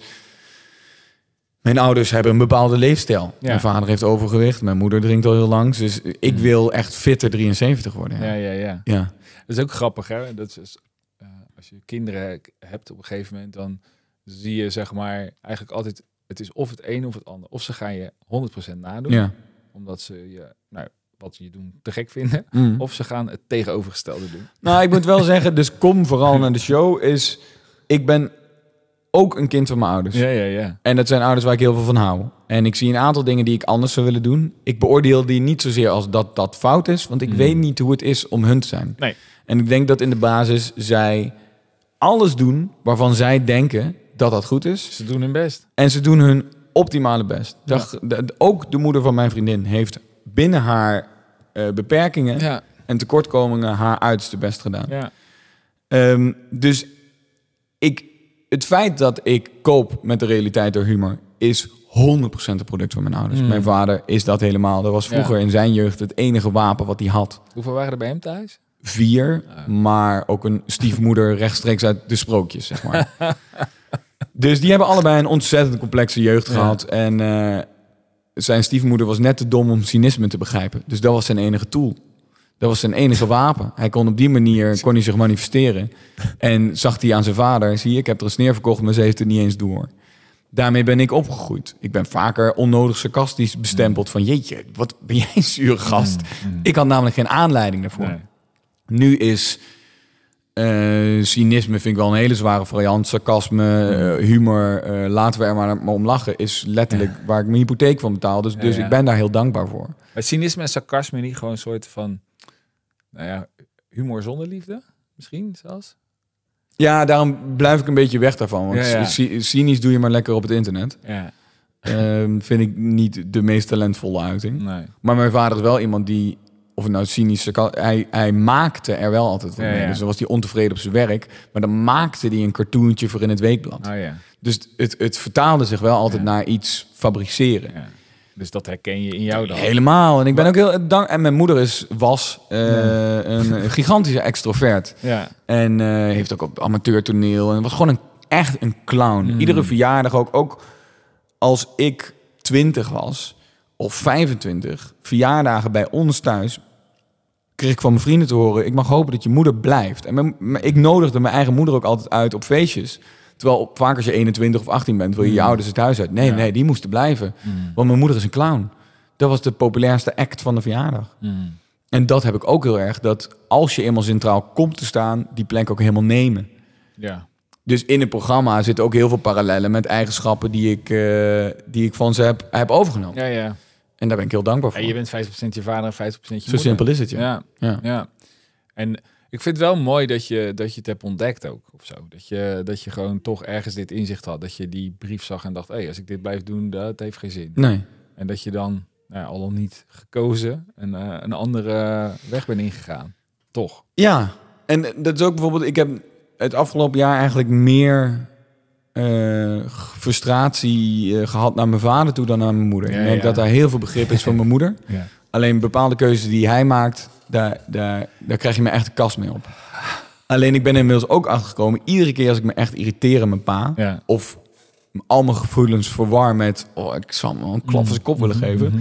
dan zijn het de patronen die ik heb. Ja, ja.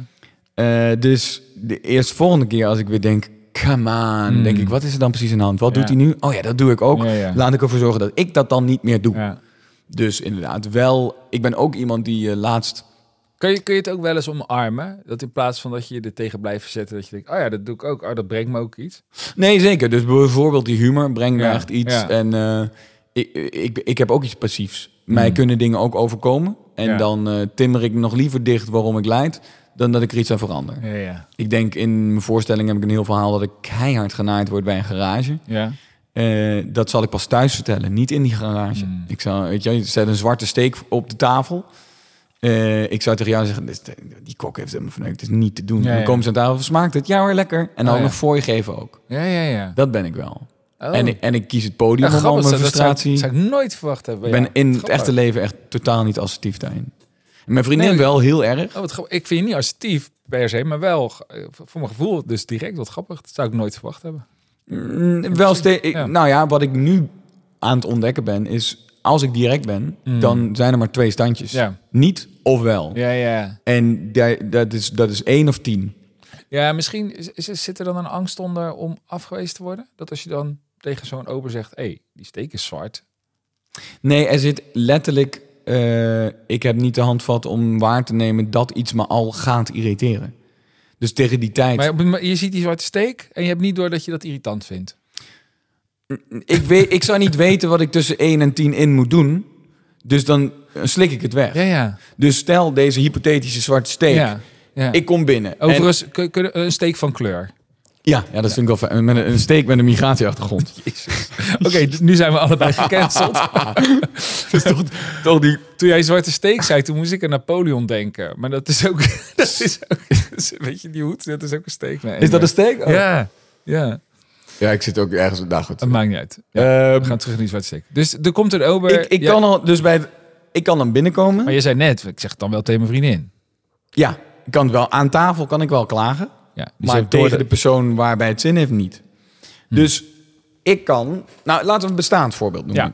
Dat is handiger. Ja. Ik moest een nieuwe auto kopen, Ja, want ik was genaaid bij de vorige en die was afgekeurd. ja. leuk. Ja. ja, en eh, En als je dat verhaal wil horen, lieve mensen, kom naar de voorstelling. Zeker weten. Ja, en eh, ik ging eh, op zoek naar een nieuwe auto. Ik had er een gezien in Katwijk. Dus een aardig stukje rijden. Mhm. Woont toevallig ook een vriend. Maakten er wel een dagje van. Rijden we erheen. Kijken we naar die auto. Testrit. Misschien kopen we hem wel. Ja. Gaan we met die vriend langs het strand. Maken we iets moois van. Dus ik had op donderdag gebeld. Staat die auto nog? Ja. Oké. ik heb wel interesse. Kom zaterdag langs. Zaterdag gebeld. Ik had donderdag al gebeld. Staat die auto nog? Ja, ik denk het wel. Vind ik al signaal 1. Ah, Want je kan ook zeggen, natuurlijk. Want ik Ja. weet dat jij donderdag al hebt gebeld. ja, ja. Het was een, ik denk het wel. Mhm. Dus ik rijd erheen en ik zeg dat toch maar tegen mijn vriendin. Want ik vind dat toch een irritant, laconieke reactie. Ja. Waarop mijn vriendin de reviews van die garage gaat googlen. En- Dan al. Ja, want zij is vrij assertief. Ja. En die zijn allemaal verschrikkelijk. ja. En ze zegt ook nog terecht... Ik heb dit thuis al een paar keer gezegd dat je dat had moeten doen. Nu rij- zijn we al een half uur onderweg. ja. Nu, wat, wat willen we? Maar dat is ook irritant, hè? Ja, ja, Dat is ook irritant. Maar goed. Ja. Ze had het ook thuis even kunnen doen voor je. Maar goed, dat Ja, maar eh, eh, ze doet al aardig wat voor ja, me. ja, Dus ja, ja. Ze had het al gezegd. Ja. Ik hoefde het alleen nog maar te doen. We komen eraan. Ik zie hem gelijk staan onder de vogelkak. ja. Als ik 's ochtends bel, ik- oké, dan rijd ik nu naar je toe. Zou ik er even een doekje overheen hebben Ja. gedaan. Dus dit is al veel irritatie van mijn kant. mhm. Maar ik heb niks tussen 1 en 10 in. Nee. We komen binnen. Ik zeg, ik kom voor die captuur. Oh ja, oh ja. Eh, hier heb je de sleutel. Bekijk hem. Echt, als je zeker weet dat je hem wil kopen, dan maken we een testrit. Is al een beetje gek. Is al een beetje gek. Hij wilde echt niet dat ik die testrit zou maken. Eh, Wat ik al niet klantvriendelijk vind. Heel even voor wat context. Mijn, mijn vriendin heeft pardon, de hotelschool gedaan. Dus gastronomie is haar alles. Ja. De- dit trekt zijn zo slecht. ja. Ehm, en ik ben daar over tien jaar relatie Gastvrijheid, eh, gastheerschap. Je zei gastronomie. Je had het over een... Gastheerschap. Ja, Ja, ja, precies. Gewoon, Ja. gewoon Ja. hoe ga je om met elkaar? ja. precies. Ja, ja. Eh, dat, dat zit daar diep in, ja. En, ehm, en na tien jaar relatie met haar ook wel in mij. Ik loop ook een hotelkamer in en weet... dit is niet de Nee. enige kamer die wij vandaag gaan zien. Nee. Wat mijn vriendin Ja. gaat zeggen dat dit niet goed is. Die gaat iets zien. Ja. Nou, dan, dat is voor mij al heftig. Ja, ik neem Ja, het ja. gewoon zoals het is. Ja. Nou, in, wij stappen die auto en die ruikt me naar kots. Ja. Niet te Ja. hachelen. Ja. We zetten de motor aan, is de benzine op. ja. Dus we kunnen niet eens een test Nee. maken. Maar dat is toch klaar dan, Ruud? Niet in mijn hoofd, snap je? Dit is hoe ver mijn hoofd gaat. Ik kwam helemaal hier om een testrit te maken. Dus terug naar binnen. Ja, ik wil toch een testrit maken. Ik snap, In- in als ik een- het naam vertel, snap ik het ook niet meer. In een captuur die naar kots maakt met vogelkak erop. Ja, net benzine. Ja. Ja. Oké, dan gooi ik er wel een litertje benzine in. Dat was, dan moest ik hem echt wel over de streep trekken. Ja. Dat doet hij. We starten hem. Op een gegeven moment rijden wij over de snelweg. Allebei met ons shirt over onze neus. Zo goor was het. En daar komt bij mij zo laat. Dus dat is ook als ik gisteren voor het blok word gezet door mijn ouders. Als mijn moeder zegt ik mag niet komen. Bij mij duren die processen Ja, ja. gewoon. Ik voel wel dit gaat fout. Maar ik Ja, heb gewoon niet gelijk de handvatten om door te hebben wat hier fout gaat. Mm. Oh, ik word voor het blok gesteld op een, een afgevlakt gesprek. Ik, dat hele gesprek heeft niet geklopt. Dat destilleer ik nu uit de zin. Ik mag niet komen. En daar moet ik wat tegenin gaan brengen. Mm. Wacht, wa- leg, stop de pers, zeg maar. Leg alles stil. We zitten op de snelweg. En ik zeg, wat zijn we nou toch aan het doen? Mijn vriendin moet fucking hard lachen. Ja, natuurlijk. Van, ja, Dutch. We hadden al bij die reviews om moeten draaien. Maar prima. En die had je al thuis moeten zoeken. Ja. Dus wij komen aan en dan denk ik, zelfbeschermend, ik ga die sleutel geven. Heel snel duidelijk maken, hier gaat geen transactie plaatsvinden. Als ik dat niet duidelijk maak, dan ga ik naar 10 en daar zit niks meer. Nee. Ik loop naar binnen, ik geef hem die sleutel. Ik zeg, eh, eh, hij zegt, en ik, ik ga hem zeker weten niet kopen. Je hebt je de sleutels, dank je wel. Gewoon zo'n hele zin van Ja, afgerond. ja. Wat is er mis mee dan? Ik zeg, ja, eh, dat doet er niet toe, geen interesse. Nee, maar was het de... En hij begint zo'n casual kutgesprek. Ja. En mijn vriendin gaat er een beetje mee. Nou, we vonden sowieso dat hij niet echt snel beleefd. Snel optrok. Niet snel optrok, maar jullie zijn hier met die Opel, toch? Ja, die heeft een 1.3 cilinder, zo'n Ja. kut. Ja. En de, dus hij snel sneller moeten optrekken. Oh, is dat zo? Ja, nee, maar... En we hoorden ook een klein, een klein piepje. Nou, dat piepje, ja, dat, kijk, dat is bij de... En zo'n gesprek begint er. Ja, ja. Triviale meuk. En jij hoort zo in en je daar hoofd raakt zo. hij bij mij de tien aan. Van, oké, ik vind het prima dat je mij ja. klote hard naait. Mm. Maar we gaan niet toneel spelen. Daar ben ik te eerlijk voor. Dus ik grijp dat toneeltje in. Ik zeg, jongens, hij stinkt naar kots. Hij zit onder de kak. En, en, je wil hem over... En jij ziet eruit als een boef, zei ik volgens mij ook nog. Want hij, had- hij had zo'n lage snor van 1 centimeter op zijn lip... of 1 millimeter op zijn lip liggen. Hij was een boef uit 1930. Hij zei nog niet... Ja, zie, heb je de sleutel, zie? Dat zei hij allemaal niet. Ik zeg dat. Ik zeg, hij stinkt naar kots, zit onder de kak... en jij ziet eruit als een boef. En mijn vriendin zegt, Ruud... En ik voel me natuurlijk afgevallen door haar. Van, ik zei dus, ik wil hier weg. En prima, dan ga je toch? Ik zei, ja, ik ga ook. Ja. En we lopen weg. Zit in de auto. Ik fucking boos natuurlijk. Ja, ja. En op een gegeven moment... Maar dan zie, je, dan zie je ook de humor er niet meer van in op Nee. dat moment. En toen gingen we lunchen nog wel ergens. Dat toch Ja. ook nog? Katwijk, lekker. Ja, ja, echt langs het strand. En eh, ik zei, hmm, misschien reageerde ik niet helemaal in verhouding. En mijn vriendin begint echt fucking hard Ja. te lachen. Van, nee man. Ik zeg, maar hoe kan het nou toch dat... Hmm. Ik had bij het telefoontje al moeten weten wat een vervelende reactie. Hoe Ja, kan het dat ik dat allemaal niet waarneem? Ja, je neemt het wel waar, je handelt alleen niet. Dat is Ja, maar ik enige. erken het ook niet. Dus ik voel pas achteraf Ja, ja. waar de eerste signalen zijn geweest. Maar ik ben er zeker van, dat weet ik zeker, dat dit, ondanks dat het dan nog een halve dag heeft geduurd, Mhm. dat dat al sneller is dan een paar jaar geleden. 100%. En, en die gebeurtenis is nu weer... Ja. Als ik zo... Soms voel ik gewoon iets. iets Ja, en inmiddels heb ik ook... Ik weet niet wat hier gebeurt, maar het voelt niet goed. Nee. Vind ik reden genoeg Ja. om er naar te handelen. ja, ja. ja. En nu langzaam begint stapje 2. Ik zeg nu af en toe wel eens... Oeh, dit, eh, ja. Omdat Ruudje, deze steek is, is een beetje Ja. zwart. Ruudje heeft ontdekt dat er niks gebeurt als je dat soort dingen zegt. Nee. Dat moet je gewoon oefenen. Ja, in, ja. tegen- ja, in tegenstelling zelfs. Mensen denken helemaal mee. En, eh, Ja, ja, en het grappige is, wat er bij jou een beetje in, in, in tegenspraak is, is hoe je eruit ziet en hoe je je uit. ja, ja. En dat binnenwereldje voor jou. ja. Ik zeg bewust binnenwereldje, omdat het veel liever en kleiner en zachter Ja, ja, is ja, dan maar daar die gaat- harde kop. Nee, maar daar gaat ook een heel deel van de voorstelling over. Ja. Van wat ik uitstraal Mm. versus de lieve kleine Ja. man die erin zit. Daar, moet, daar moet meer gecommuniceerd worden. Er moet meer naar buiten gecommuniceerd worden. ja. En ironisch genoeg doet deze hele voorstelling dat al. Dus jij kent mij inderdaad als een woeste, Mm. gevaarlijke man om te zien. ja. Eh, die weet- voorstelling is zo gelukkig die kwetsbaar. andere Ruud ook wel een beetje. We hebben Ja, toch altijd ja. wel aardige Ja, gesprekken in de auto en zo. En je bent altijd wel goed in staat om, om je te uiten. En, en dat gaat dan nu blijkbaar een Ja, maar dus dieper. niet als mij onrecht overkomt. Dan, Nee, niet eh, als jou iets overkomt wat je labelt als onrecht. Eh, Want eh, ja. dit is geen onrecht, dit is gewoon een autoverkoper. En er zijn heel veel van. En je, Ja, bent, gewoon, en je bent gewoon te ignorant om dat, om Ja, dat door te hebben. dus je moet ook gewoon een beetje scherper worden. Ja, ik word echt misschien- scherp. en misschien- Voor iemand die zo fucking... Ik op een podium met een mic in mijn hand ben, dus ben uniek scherp. Ja, ja. Zo van niks ontgaat mij.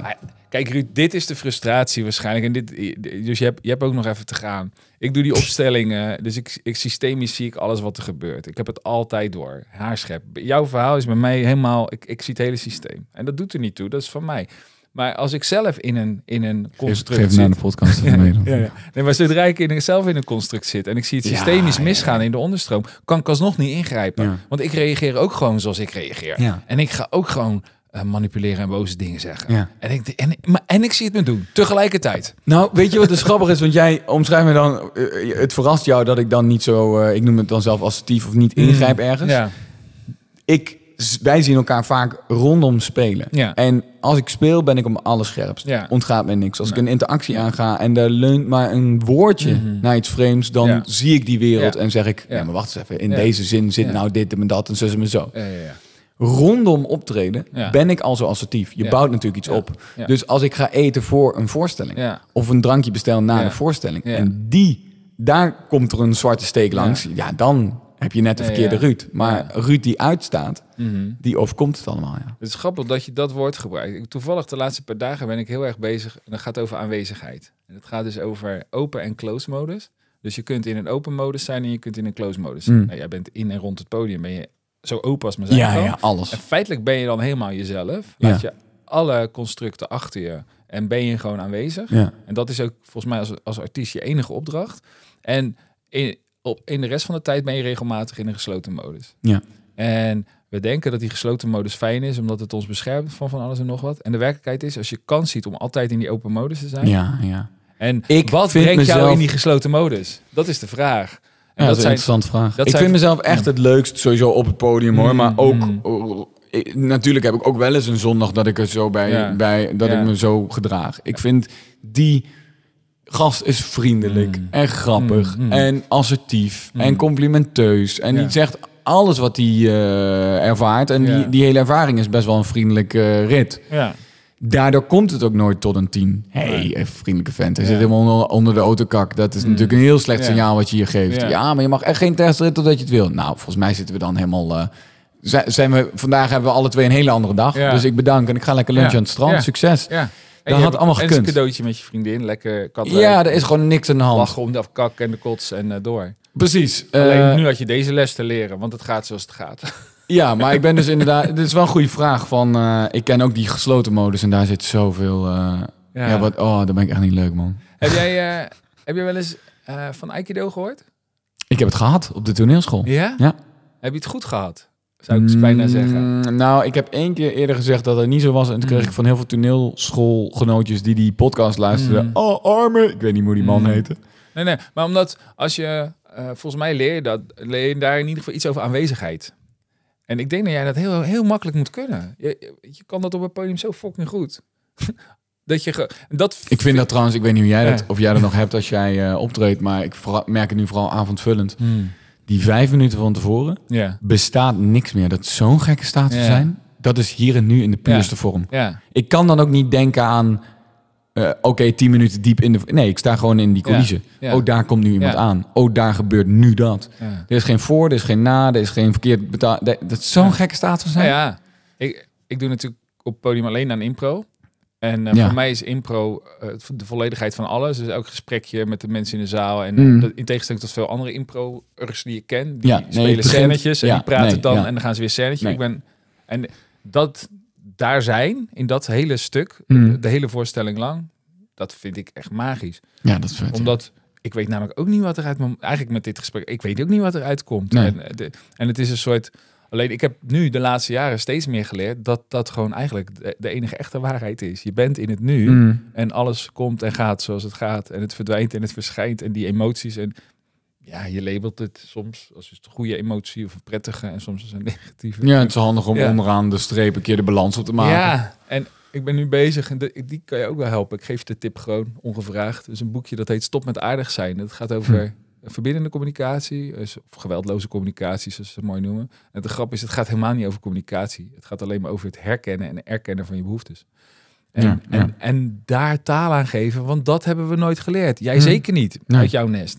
En zodra je dat een beetje begint, oh, dit is, oh, oh, dit vind ik vervelend. Oh, dat komt omdat ik hier behoefte Mm. aan heb. Mm. En dan ga je dus, dan kom je daar aan en dan zeg je tegen die gast: hé, er zit vogelpoep op het. Het begint gewoon, het begint gewoon met dat. Er zit vogelpoep dat- op je dak. Dat erkennen. Ja. Ehm, en dat is natuurlijk een eh, weg van wat weerstand, omdat ik daar nooit niet zo vaak heb gelopen. Nee, Eh, dus tuurlijk, dat was onveilig voor je. Eh, ja, vooral nieuw. En, Ja. en hoe ouder je wordt, hoe onveiliger dat wordt, Ja, ja. omdat het nog langer alleen gelaten is, dat pad.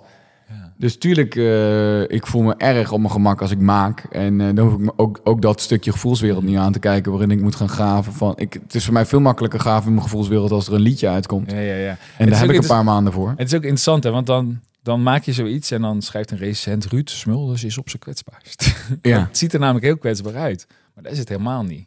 Tegen die tijd dat ik het speel niet. Ik heb wel Nee. trucjes natuurlijk om te zoeken dat het, dat het... Ik vind het spannend bij de serieuzere stukken in deze show... dat het Hmm. iedere avond wel... Iedere avond zou het het risico moeten hebben dat ik breek. Ja. Dat vind ik wel interessant. Ja, Eh, dat moet je voelen als publiek. Van, oh, dit is meer aan de hand dan ooit. ja. Eh, maar ja, als jij vier keer avondvullend in de week speelt, dan is die vierde is toch een beetje de markers afgaan. En dan Ja, hoop je ja. dat dat nog steeds binnenkomt. ja. Je kan, het, het moet geen herbeleving worden. Je kan niet. eh, Nee, nee. Ja, jongens, oh, dus je, je ben, ik ben ook zo aan het associëren nou. Dat, kijk, op een gegeven moment, ga je wel gewoon toneel ook? Gewoon een voorstellingen? Of ik zelf ja, ga. Ja, ja. Ja, sporadisch. Ja, ik, ik kies wel heel nadrukkelijk wat ja, ik leuk vind. Ik was toevallig afgelopen week bij, eh, bij een voorstelling in, eh, in het ITA in Amsterdam. En eh, weer, eh, de laatste van Ivo van Hoven.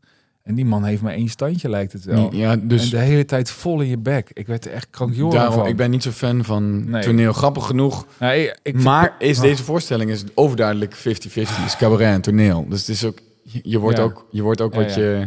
Maar dat vind ik heel tof. Daar ben ik echt nieuwsgierig naar. Dus ik kom eh, kijken binnenkort. Ik, ben heel, ik wil echt je voorstelling zien. Ja. Nog even snel. Geeft echt andere ik had, ik had Nou, we gaan sowieso een reprise. Ja, reprise heel goed, heel goed. Ik, serie- ik zat echt serieus vorige week, twee weken terug of zo. Toen, en kon ik net niet. dus ik had, ik had bijna een kaartje gekocht. Oh, een goed compliment. Thanks, man. Nee, maar dat kwam volgens Heb ik, er zijn heel veel mensen die bijna een kaartje kopen. Ja, ja, ja. 17 miljoen. Ja. Ja, Nee, nee, dat kwam volgens mij door dat stuk, denk ik. Ja, toch Eh, wel, hè? eh, ja, omdat het me heel nieuwsgierig maakt. Ik ga heel weinig nog maar naar cabaret de laatste tijd, de laatste jaren. Omdat ik het vaak niet zo natuurlijk. obligaat is. Ja. Het heeft, het heeft ook een formule. Grapjes, haha, grapjes, haha, Ja. grapjes, haha. Ja, slimme grapjes, haha. Nee, maar ik vind het fijn als het ergens over gaat. Stefano Keizers vond ik heel grappig zijn laatste voorstelling. Omdat hij gauw is in de zaal. Ik vond het zo leuk. Ja, precies. Maar dan wil je dus wel echt fix geprikkeld worden. Wil, nou, ik, ik ben altijd Ja. fan van Micha Wertheim. Vind ik Ja. altijd boeiend. Ja, Casper van der Laan vind ik altijd... eh, Dan ga je ook bijna af op iemands authenticiteit... in plaats van om het construct van een voorstelling. nou ja, het gevoel dat die voorstelling gemaakt moet worden. Ja. Toch? Dat die Ja. voorstelling gewoon... Nou ja, zei Michelangelo dat? dat? Dat beeld al in een brok marmer zat, dat hij alleen maar wat Oh ja. moest weg. Ja. Nou ja, dit is uiteindelijk iets wat in jou zat. Ja. Zit. Zat. ja. Zit. Zat. Is het zit of zat? Eh, is het dan nu weg? Nou, ik, dit is, dat, dat, dat voel ik ook aan alles. Hoor. Dit, is, dit is... Nu klikt het. Nu klikt het talent wat ik over de jaren heen heb opgebouwd... met de noodzaak van wat, ik, Hmm. wat voor dingen ik wil vertellen. Want het is in die zin echt wel breder dan mijn moeder. Ja, het is ja. niet dat, ik, dat de voorstelling hierna over mijn vader gaat. Nee, maar ik hoor het ook heel duidelijk. Je hebt echt een universeel thema gevonden. Eh,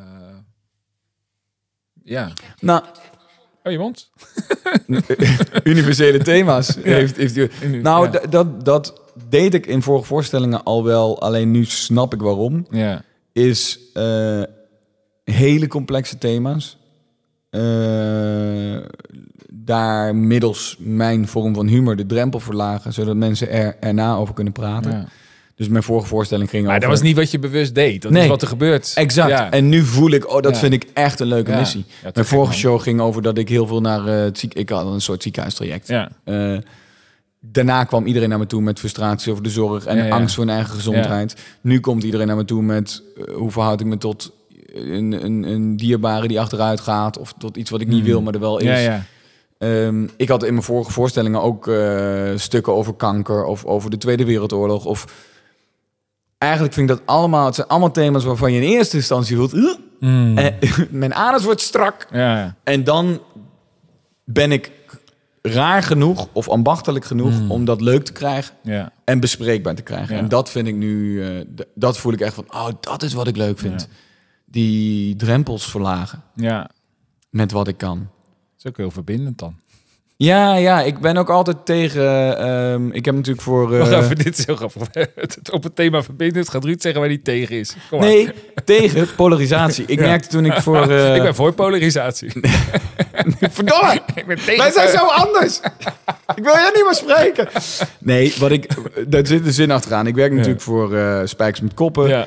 En ik heb hiervoor eh zo'n talkshow gedaan in Nederland 1. Dat is overwegend links. Het Mhm. Ja. is voor de hand liggend dat Ja. wij columns nu kritisch hebben op Geert Wilders. Terwijl we Mhm. Jesse Klaver buiten schot Ja. houden. En ehm, omdat dat waarschijnlijk is waar onze eigen voorkeur ook ligt als kunstenaar. Ja. Eh, ik heb het altijd leuk gevonden, ook al zat ik dan bij de meest linkse programma's. Mhm. Oh, ik heb natuurlijk ook eh, lang als redacteur gewerkt bij Dit Was Het Nieuws. Ja. Ja, Thierry is weer in het nieuws. Mhm. Maar we kunnen ook een item maken over Alexander Pechtold Ja. of whatever. ja. Altijd gezocht naar... Dat is niet Of moeilijk trouwens over Alexander Pechtold. Nee, dat is te zijn. nee, dat ik het zeg, denk ik. Ja. Maar, en ik weet nog wel dat in tijden van corona, waar polarisatie natuurlijk eh, extreem zichtbaar werd, Mhm. had ik op een gegeven moment een video gemaakt, een soort trailer van AstraZeneca. Was toen heel veel eh, gesprek over of dat goed of slecht of gevaarlijk zou zijn. En daar had ik een soort filmtrailer van gemaakt als een soort actiefilm van AstraZeneca. Eh, Het is het einde van de wereld. Ja. En het werd gedeeld door links met hahaha, zo ziet rechts het. Ja. En het werd gedeeld door rechts met hahaha, zo ziet links Ja, ons. ja. En toen dacht ik, mooi zo, want ik ben kritisch naar beide en niet veroordelen naar beide. Precies. Maar de- de- Ja. ik, ik wil dat eh, helemaal niet. Ik, ik, ik, ik ben echt uitgekeken op het cabaret dat oploopt en zegt Geert Wilders en mensen, dat is toch Ja, verschrikkelijk. Denk ik, ja, lekker boeien, joh. Ja. We zijn, het zijn toch 3 miljoen mensen Ja. die, als je die in de straat tegenkomt, meer zijn dan enkel hun politieke Mm. voorkeur, enkel hun vaccinatie, Ja, gedachtes, enkel of de wereld nou rond of plat is. Mm. Het, uiteindelijk willen we allemaal geknuffeld worden, Ja. goed slapen, Ja. lachen en barbecuen. En of er dan vlees op die barbecue Ja. ligt of vegetarisch, hoef ik jou niet te verketteren. We willen allemaal liefde. We willen allemaal liefde. En dat- geliefd zijn. We, willen, we willen erbij horen. En we willen... Dus ik heb echt wel mijn persoonlijke meningen op dat vlak. Maar die gaan het podium niet bereiken Nee. als ze niet ook ten koste van mij gaan. Mm. Want dan ben ik polariserend en dat wil ik echt niet. Als ze maar interessant zijn. Nice man. Als ik nou een titel moet gaan schrijven... Tiet. Nee, tol. Eh, de dag dat alles anders werd. 12 januari 2023. Wat, wat gebeurde er op die dag? Zo pak het zinnetje, een beetje Ja. clickbait. Ja, nee, ik snap je. Dat ik, kon, ik kon alleen maar terug naar boven. Ja. We zaten, ja, het was echt het, eh, Je dacht dat je twee aanzen speelde. ja. Misschien was het waar, achteraf.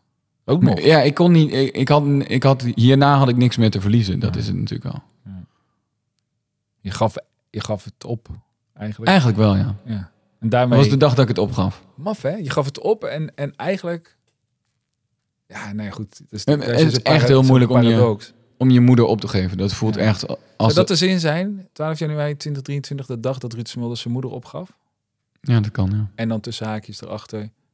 En haar daardoor weer omarmde. En dan daarna weer terugkreeg. En haar daardoor weer terugkreeg. Ja. Dankjewel. Graag gedaan. Jij bedankt. Dit was de dag dat alles anders werd. Dankjewel voor het luisteren. Als je dit soort verhalen nou tof vindt om te horen, abonneer je dan en laat een review achter. Ik heb geen enkel verdienmodel aan deze podcast hangen, maar ik vind het wel super tof als deze mooie verhalen terechtkomen bij de mensen die er iets mee kunnen. Of die er iets aan hebben. Dus, nogmaals, dankjewel voor het luisteren. Deel, like, abonneer en tot de volgende aflevering.